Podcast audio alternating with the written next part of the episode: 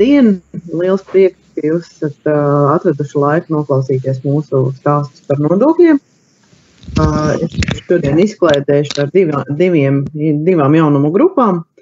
Uh, viena no tām ir Brexit, un otra būs uh, gaidāmie grozījumi attiecībā uz PVN piemērošanu e-komercijai.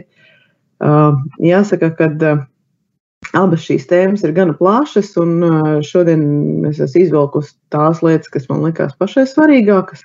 Ja mēs runājam par Brexit, tad Brexit vienošanās ir uz 1449 lapām, un te man ir slaidiņš, kurā es mēģināju, divi slaidiņi, kurā es mēģināju savilkt galveno. Tātad jā, nu tas, tas nu ir noticis. Labi vai slikti, ka tā nezinu, bet ir noticis tā, ka apvienotā karaliste nu ir kļuvusi par trešo valsti ar visām no tā izrietošajām sekām. Un, un neizbēgam, protams, tas skar arī mūs, jo mums ir aktīva tirsniecība ar apvienoto karalisti. Un, un tad, tad tie galvenās lietas, ar ko mums ir jārēķinās. Tātad pirmais ir tas, ka pastāvēs muitas formalitātes un importa PVN preču tirdzniecībā ar apvienoto karalisti. Uzreiz piebildīšu, ka uh, Brexit līguma 34. lapā ir uzrakstīts, ka abas puses, tātad apvienotā karaliste un Eiropas Savienība, ir vienojušās, ka uh, neuzliek muitas nodokļus precēm, kas ir otra, ar otras puses izcelsmi. Proti, Eiropas Savienība neuzliek muitas nodokļus uh, apvienotās karalistes izcelsmes precēm un otrādi. Viena lieta, kas jāņem vērā, ir uh, nianses ar EORI numuru. Uh, Proti, mums līdz šim tā sistēma bija uzbūvēta tādā veidā, ka uh, mēs vienā Eiropas Savienības dalību valstī iegūstam EORI numuru, un tad mēs viņu lietojam savos uh, importa, eksporta darījumos uh, visur.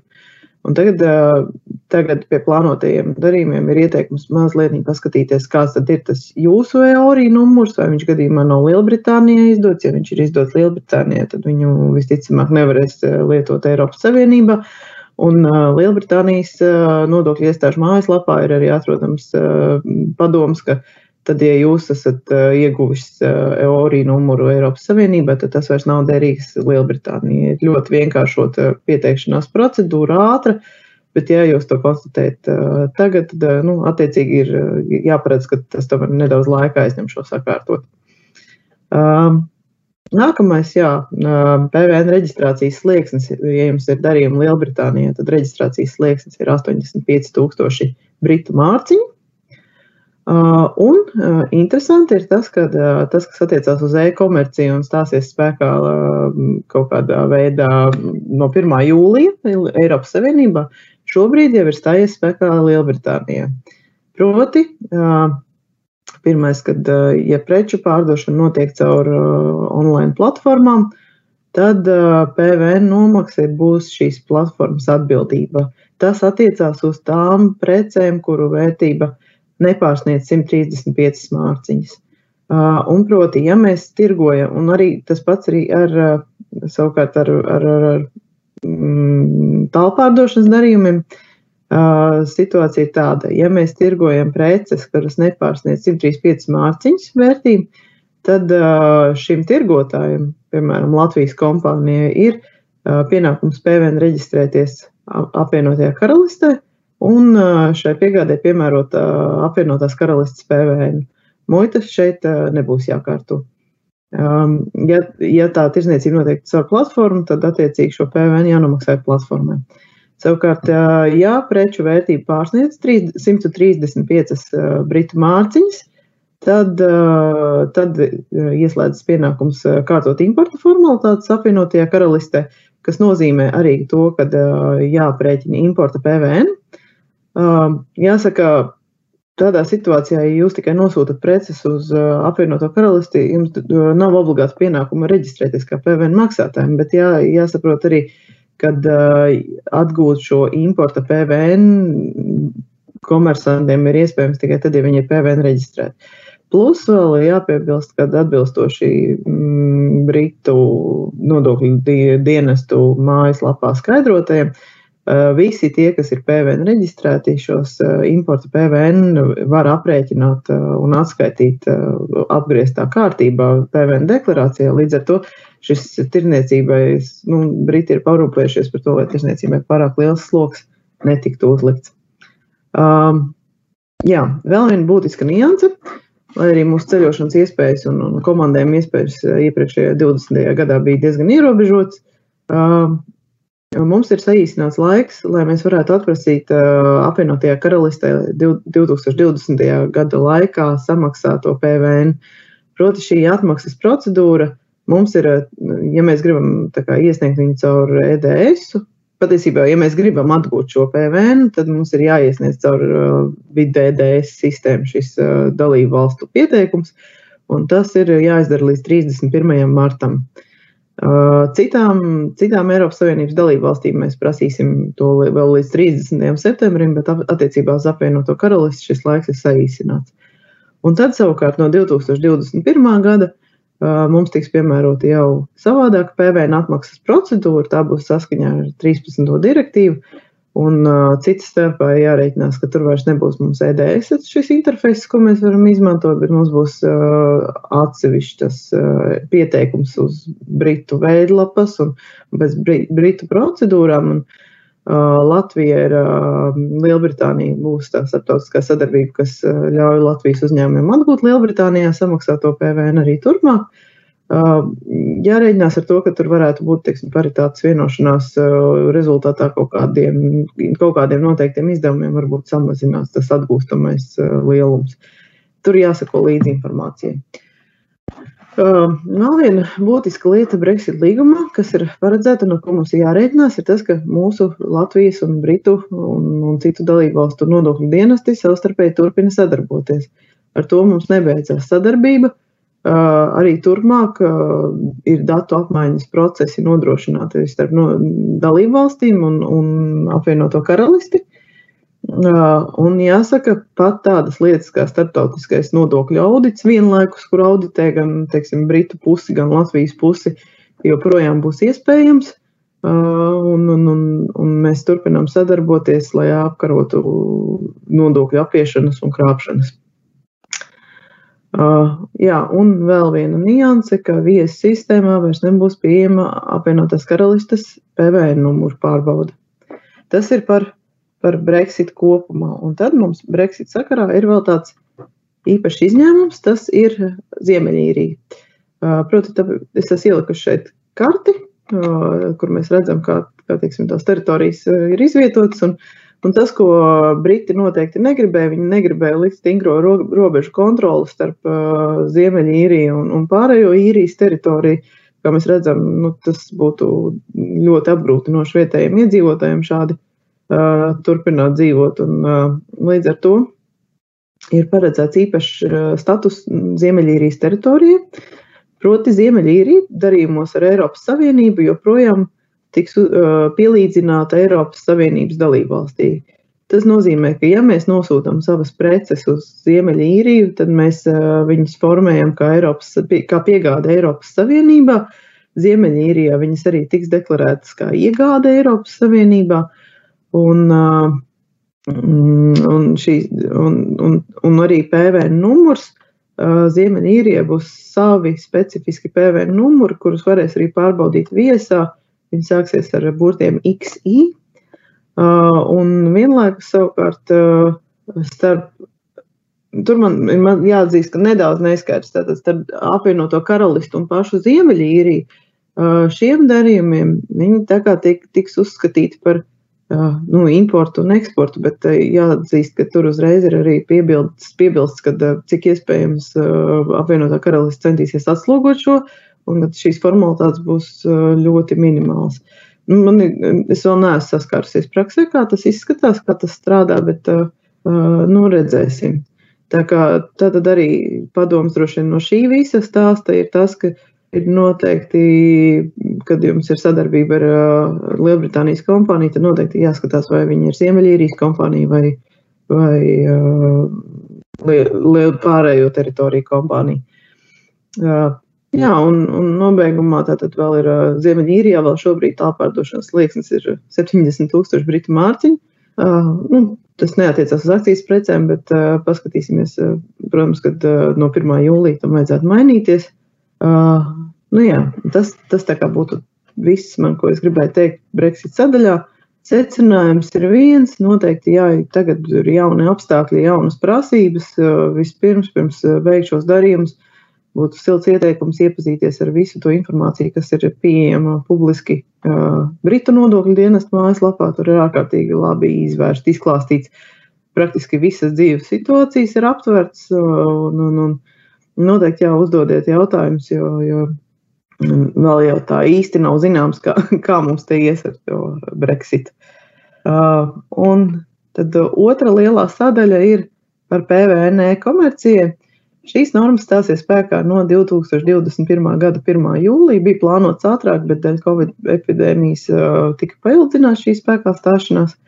Un, um, tad es pastāstīšu par galvenajiem jaunumu blokiem, bet arī jāsaka, ka nu, tur izmaiņas ir mazliet vairāk nekā šodien stāstīšu, bet uh, mums jau jāizvēlās kaut kādas lietas, kas ir varbūt aktuālākas. Un, uh, jā, un pirmais un galvenais jaunums šeit mums ir sekojošs, ka uh, mums, mēs Eiropas komisija beidzot ir izdomājusi, ka arī elektroniskām saskarnēm kaut kādā veidā vajadzētu piedalīties nodokļu iekasēšanā. Tas, ko mēs esam līdz šim redzējuši, ir piemēram piemērs ar AliExpress, zem kuras stāv tūkstošiem un simtiem tūkstošu dažādu nelielu Ķīnas uzņēmumu. Un saprotams, ka mēs nekad nespēsim izkontrolēt to, vai katrs šis pārdevējs nomaksā savu PVN, kur viņam viņš būtu jāmaksā. Un, tādēļ ir nolemts, ka turpmāk elektroniskām saskarnēm noteiktos, noteiktās situācijās šīs saskarnes tiks uzskatītas par tā saucamo domāto piegādātāju. Un, līdz ar to tiek pielīdzināts, tā situācija tiek pielīdzināta tam, ka šis piegādātājs pats saņem un piegādā preces. Tātad tā kā šī piegāde no, no, no, no AliExpress uz, uz Latvijas privātu personu, viņa tā kā mākslīgi tiek sadalīta divās daļās. Un, un tad līdz ar to tiks nodrošināta labāka PVN iekasēšana saistībā ar šiem darījumiem. Nu, protams, ka jā, Latvijas uzņēmējiem tas noteikti ir svarīgi, lai, lai novērstu tirgus izkropļojumu, dēļ tā, ka ķīnieši nevienmēr samaksā savu PVN. Un, Es Eiropas komisijas oficiālajos skaidrojumos par šiem e-komercijas grozījumiem atradu šādu schēmu, ko es ieliku arī savā slaidā. Un šeit ir izskaidrots, kādā veidā mēs izvērtējam, vai konkrētajā situācijā elektronisko saskarni pielīdzinās šim domātajam piegādātājiem. Tātad pirmais jautājums, ko mēs izvērtējam, pirmkārt, vai preces tiek nosūtītas uz Eiropas Savienību no trešās teritorijas vai valsts. Ja jā, tad mēs skatāmies, cik liela ir šo preču vērtība. Un, ja šo preču vērtība ir zem 150 eiro, tad jā, elektroniskā saskarne, tad mūsu situācijā būs atbildīga par, par PVN. Uh, otra situācija. Uh, ja mums preces netiek nosūtīts no Eiropas, uh, no, no trešās valsts, tad uh, skatāmies, vai vai šīs preces eh, pārdod kāds piegādātājs, kas neveic uzņēmēju darbību Eiropas Savienībā? Un, ja atbild ir jā, tad atkal, tad atkal šī saskarne mums būs atbildīga par PVN nomaksu. Eh, ja šajos pēdējos blokos atbildes ir nē, tad mēs viņu šo saskarni domātajiem piegādātājiem nepielīdzināsim. Uh, nu, mūsu kontekstā droši vien mums nav tik daudz varbūt, izplatīts mūsu pašu elektroniskās saskarnes, bet savukārt mūsu uzņēmumi diezgan daudz tirgojās caur tādām saskarnēm, tas varbūt palīdz saprast, kuros brīžos par to nodokli atbildēs saskarni un kuros jāatbild pašam. Un vienlaikus arī izmantošu situāciju, vēlreiz atgādināšu, ka apvienotajā karalistē šāda veida regulējums jau šobrīd ir spēkā. Tad nākamais. Tad mums ir runa par tādu trešo valstu piegādātāju. Un, Un, uh, mēs visi gribam, lai AliExpress pārdevēji mums samaksā PVN. Uh, Eiropas komisija arī veikusi virkni pētījumu un noskaidrojusi, ka šie trešo valstu tirgotāji izdara ārkārtīgi lielu budžetu, nodara budžetā robu iecērt Eiropas Savienībai. Un, uh, un ir radījuši vienlaikus arī tādu režīmu, uh, kura, kur, kuru izmantojot, tiek atvieglots tas administratīvais sloks un atvieglots tas process, kādā veidā šis trešo valstu tirgotājs, pareizāk sakot, platforma nomaksās to PVN. Un tātad šeit ir arī schēma no tiem pašiem Eiropas komisijas oficiālajiem skaidrojumiem, Kā strādā importu one-stop shop?